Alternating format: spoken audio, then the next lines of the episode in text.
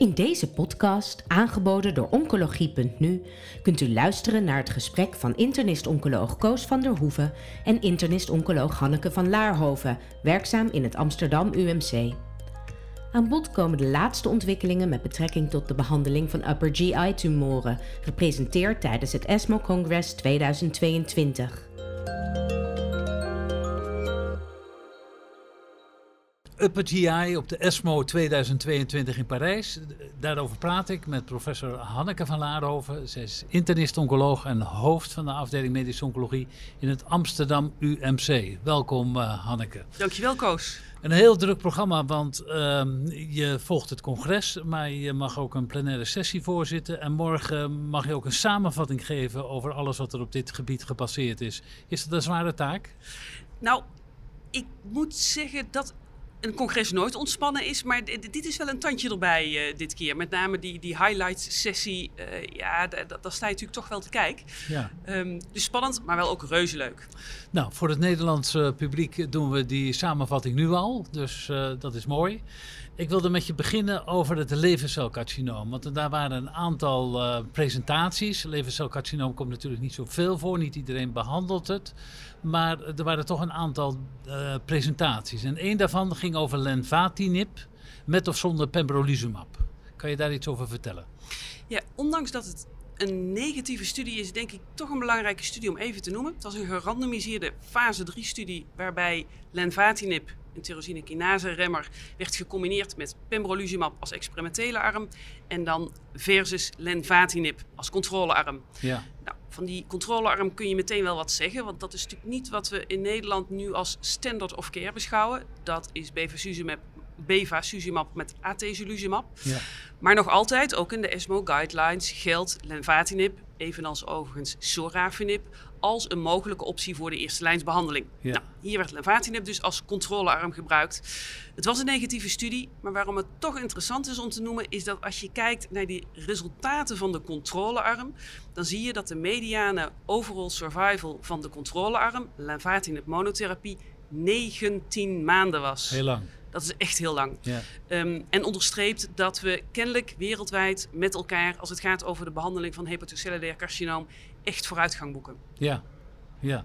Ik ga maar gelijk naar de volgende, want camrelizumab plus rivoceramib als nieuwe combinatie. Uh, kan je zeggen wat het is? En is dat beloftevol bij deze groepen patiënten? Ja, het is, het is tongbrekend. Um, voor de camrelizumab geldt dat dit, uh, net als bij de uh, vorige studie, ook een checkpoint-remmer is. Ja. En de rivoceranib, dat is ons goede oude apatinib. alleen de naam is veranderd. Ja. Dus ook hier een tyrosine kinase-remmer samen met een checkpoint-remmer. In dit geval versus sorafenib.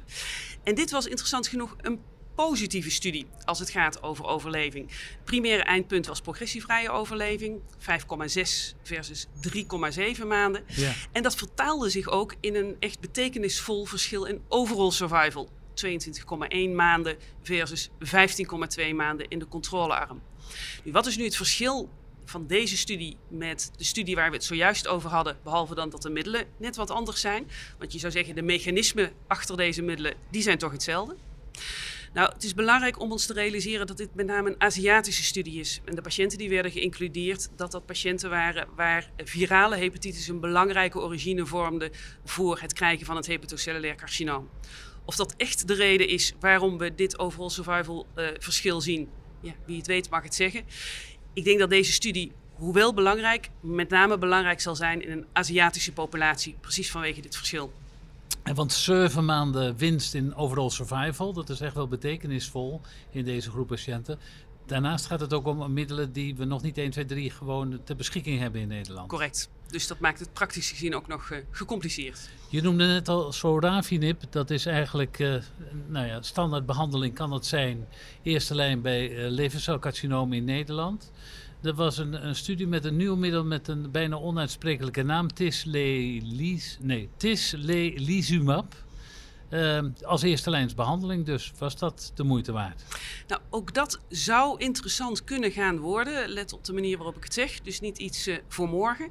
Maar dit is met name een studie gedaan vanuit de gedachte kan het misschien niet weer een tikje minder. Ja. met name met het oog op toxiciteit. Um, het is overigens niet voor het eerst dat een checkpoint-remmer, want dat is tislelizumab, een checkpoint-remmer, uh, wordt vergeleken met uh, sorafenib. We hebben bijvoorbeeld de Himalaya-studie, waar een van de armen ook durvalumab monotherapie was in vergelijking met sorafenib. Dat was, uh, daar, daarvoor werd non-inferioriteit aangetoond. En dat is precies wat ze in deze studie ook hebben gedaan. Dat wil zeggen, ze hebben gekeken naar non-inferioriteit. En inderdaad werden de daarvoor uh, benodigde uh, criteria werden behaald. Ja, en dan is vervolgens de vraag, wat heb je nu precies aan non-inferioriteit? want we willen natuurlijk graag beter, iets, verder. Beter, ja. ja. Nou, misschien is het wel toch een tikje beter. In ieder geval dat je ziet in vergelijking met sorafenib dat de overall responsrate uh, duidelijk hoger is in uh, de tislelizumab behandelde patiënten. En ook de duur van respons is langer. Daarbij is het toxiciteitsprofiel duidelijk gunstiger dan voor de sorafenib. De vraag wordt natuurlijk wel nog wat het financiële toxiciteitsprofiel gaat worden van deze behandeling. Um, maar los daarvan kan ik me voorstellen dat voor die patiënten waarvan je om wat voor reden dan ook geen atezolizumab met bevacizumab geeft, dit een interessante optie zou kunnen gaan zijn. In de toekomst. Precies. want als we dit nu allemaal samenvatten, is er dan morgen iets practice changing gebeurd? Niet voor de Nederlandse patiënt. Oké, dan gaan we naar het galgangcarcinoom. Bij het galgangcarcinoom beschouwen cisplatine en gemcitabine eigenlijk uh, als standaardbehandeling als de gemetastaseerde ziekte of irresectabele ziekte is als je uitgebreide moleculaire diagnostiek doet, dan kom je nogal eens een FGFR2-fusiegen tegen.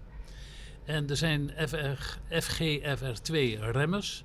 En er werden nu resultaten van een nieuwe FGFR2-remmer besproken. Kan je daar iets over zeggen? Ja, dat was echt een fantastisch mooie studie. Um, de FGFR2-remmers zijn met name relevant voor patiënten met intrahepatisch cholangiocarcinoom. Daar zie je met name um, de uh, fusies en rearrangements, zoals dat heet. Eventueel mutaties, amplificaties. Nu goed, we hebben met name voor de tweede lijns behandeling, dus inderdaad na gemcitabine cisplatinum, uh, hebben we nu wat FGFR2-remmers. Als je kijkt naar overall response rates, dan zitten die ergens tussen de 22 en 42 procent. Dat zijn getallen om even te, te onthouden. Ja. En je ziet ook dat dat uh, leidt tot verlenging van overleving. Nu, dit nieuwe middel, het R LI 4008. Ik noem hem maar even 4008, want anders wordt het zo vermoeiend. Um, dat is een molecuul wat op een dusdanige manier is geconstrueerd dat het heel selectief bindt aan enkel de FGFR2-receptor. Ja. receptor, ja. um, en niet aan de andere FGFR-receptoren. Uh, uh, en dat is precies ook het verschil met de andere remmers die, die we hebben, die eigenlijk pan-FGFR-remmers ja. uh, zijn. Nou, de studie die werd gepresenteerd was nog slechts een fase 1-studie met al een beetje expansiecohort. Dus nog niet veel patiënten, uh, maar wel indrukwekkende data. Als je kijkt over alle dose-levels in de fase 1-studie, dan zie je een overall response rate uh, van 63 procent. Dat is heel hoog. Heel hoog. En als je kijkt naar die subgroep van patiënten die de zogenaamde aanbevolen dosis voor uh, verdere studies um, heeft gekregen, dat was uh, 70 milligram, dan zie je een overall response rate van 88% met een disease control rate van 100 procent. Ja. Nou, we zeggen altijd, je krijgt nooit 100 procent in de geneeskunde, maar in deze studie wordt het dus wel uh, gezien. Ja. Nogmaals, vroege studie. Um, het, het expansiecohort wordt nog verder uitgebreid. Hopelijk gaat er ook een uh, randomisatie komen. Dat is nu niet voorzien. Ja, dat zou uiteindelijk natuurlijk de meest uh, stevige data geven. Maar dit is echt een middel, denk ik, waar we in de toekomst wat van, van gaan horen. In hoeveel procent van de patiënten komt nou zo'n fusiegent voor? Ongeveer. Ja. Voor zover je weet. Ja, dus als je kijkt naar de patiënten, um, dan is dat zo'n nou, 10 tot 15 procent. Ja. Um, dan heb ik het wel dus met name over het intrahepatisch cholangiocarcinoom. Ja. ja, en uh, als er nou morgen weer een, een patiënt in je spreekkamer zit, uh, kan je die patiënt dan in een dergelijke studie krijgen? Ik vrees dat we die op dit moment in Nederland, voor zover ik weet, niet open hebben. Maar dat zouden we even moeten checken okay. in het uh, trialregister. Oké, okay, maar op, op korte termijn, je zegt dit is beloftevol voor een kleine groep patiënten. Waarvan het wel belangrijk is dat je ze identificeert door middel van goede moleculaire diagnostiek. Absoluut. We doen het een beetje andersom dit keer. We beginnen niet bij de, bij de slokdarm, maar we zijn bij de lever begonnen, naar de galgangen. We gaan nu over het maagcarcinoom beginnen. Uh, maagcarcinoom en de overgang van de maag naar de slokdarm, adenocarcinoom. Daar is een plek voor de immunotherapie. Dat is in ontwikkeling. Kan je eigenlijk nog zeggen wat op dit moment nou de standaardplek voor de immunotherapie daarbij is? Ja, het is wel mooi. Er zijn net geüpdate guidelines uh, voor de behandeling van slokdarm- en maagkanker van de ESMO. Van harte aanbevolen, online beschikbaar en na te lezen in de Annals of Oncology. Um, als je kijkt naar de gemetiseerde setting, dan is er een plek voor immunotherapie in de vorm van nivolumab in de eerste lijn gemetiseerd voor die patiënten met een CPS-score van 5 of hoger. Ja. En uh, in de curatieve setting, uh, in de adjuvante behandeling van het slokdarmcarcinoom, uh, zowel adenocarcinoom als plaveiselcelcarcinoom, als er een incomplete respons is na chemoradiatie en een resectie. Dat is wat we nu hebben. En wat we natuurlijk hebben is HER2-gerichte therapie. Althans, in de eerste lijn.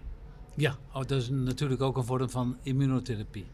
Um, maar er werd hier een, een studie gepresenteerd die ging om de combinatie van chemotherapie met ipilimumab en nivolumab, parallel, dus tegelijkertijd, of sequentieel, bij mensen die een gemetastaseerd maagcarcinoom hadden of een adenocarcinoom van de distale oesophagus. Wat kan je daarover zeggen? Is dat de toekomst? Of? Nee, helaas. Dat is eigenlijk de, het, het hele korte antwoord. Wat de hoop was, was dat je voor deze patiënten een inductie chemotherapie kon geven. Dus uh, nou, vergeleken met onze situatie zou het twee keer Capox zijn. Hier deden ze drie keer Volfox, zes weken chemotherapie en dan door met immunotherapie. Dat was het idee. Um, en kort samengevat, dat, dat werkt niet. Je ziet duidelijk uh, minder survival. En um, wat met name en achteraf is dat natuurlijk altijd uh, uh, nou, uh, makkelijk om dat te zeggen. Maar wat met name jammer is, is dat ze niet gekeken hebben naar de CPS-score. Dus dat was geen inclusiecriterium. Dat zal het zeker niet makkelijker gemaakt hebben voor deze studie. Zeker als je weet dat de hoeveelheid patiënten met een CPS van, ze hebben gekeken naar 1 zelfs in plaats van 5, met een CPS van 1 of groter, ja, dat, dat was echt een minderheid van de patiënten. Ja. Wat ongetwijfeld deze resultaten verklaart. Ja, en wat ook de vraag is, is wat dit betekent voor dat weliswaar hele kleine subgroepje van patiënten, uh, maar toch niet onbelangrijk, met een MSI-high-tumor. Je ja. kunt je nou nog voorstellen dat voor hen zo'n strategie wel werkt. Ja. Nou, daar hebben we een studie voor in Nederland. De zogenaamde Auspicious-studie loopt in een heel aantal centra. Weliswaar niet met dubbele immunotherapie na inductie chemotherapie, maar met enkele immunotherapie. Um, van harte aanbevolen. Want dan gaan we het voor deze groep in ieder geval hopelijk uh, goed kunnen uitzoeken. Dan moet je wel ook op tijd weten dat de patiënt de MSI heeft. Dat moeten we echt voor elke patiënt testen. Want niet onbelangrijk, we hebben in Nederland natuurlijk ook nivolumab beschikbaar in latere lijn. Als de eerste lijn niet meer werkt. Dus je wilt die MSI-status echt heel graag weten. Oké. Okay ga naar iets wat misschien uh, op dit moment succesvoller lijkt. Dat is het uh, antibody-drug conjugaat trastuzumab deruxtecan voor patiënten die op enige wijze expressie van HER2 in de slokdarm hebben. Daar was een update over. Wat kan je daarover zeggen? Ja, als je kijkt naar die, naar die ESMO guidelines waar ik het net over had en je kijkt naar de tweede lijns behandeling, dan zie je daar een groot gat als het gaat over de doelgerichte therapie. We hebben op dit moment geen doelgerichte therapie beschikbaar voor deze patiënten. En de gedachte was, de hoop was dat de zogenaamde Destiny Gastric 01-studie daar verandering in zou brengen.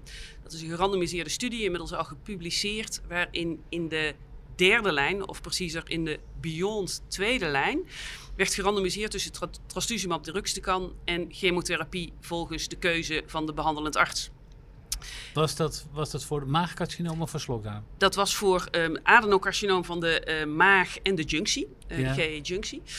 Um, maar het was een studie die is uitgevoerd in Azië. Ja. En hoewel dit een duidelijk positieve studie was, met een overal responspercentage van 43 procent um, en een duidelijk voordeel in termen van overleving, ja, is het dan toch vervolgens lastig in Europa om dat voor elkaar te krijgen? Ja. Nou, dat is een belangrijke reden waarom die uh, uh, Destiny Gastric 02 uh, is gedaan. Dat was een single-arm studie in de tweede lijn, dus niet in de derde lijn. En nog een ander belangrijk verschil is dat alle patiënten een bevestiging van de positieve HER2-status moesten hebben op dat moment voordat ze in de studie ja. werden geïncludeerd. Nou, we wisten al de overall response data. Die zijn nu een beetje geüpdate. Die zijn van 38% naar 41,8% gegaan. Dat is al een heel mooi getal. Maar veel belangrijker nog is dat de overall survival data werden gepresenteerd. En daar zagen we in de tweede lijn een mediane overall survival van 12,1 maanden. Dat is lang. Dat is echt lang. Ja. Progressievrij 5,6, ook heel mooi. Ja. En als je daar dat mag natuurlijk allemaal niet wat ik nu ga doen, hè, direct vergelijken tussen trials. Maar ga ik toch maar even doen voor het, voor, het idee. Als je daar de getallen van de Rainbow naast zet, met paclitaxel ramucirumab, wat nu onze standaard tweede lijnsbehandeling is, dan zie je een overall responspercentage van 28, een overall survival van 9,6 maanden en een progressievrije overleving van 4,4. Kortom, dat ligt allemaal toch wel relevant lager.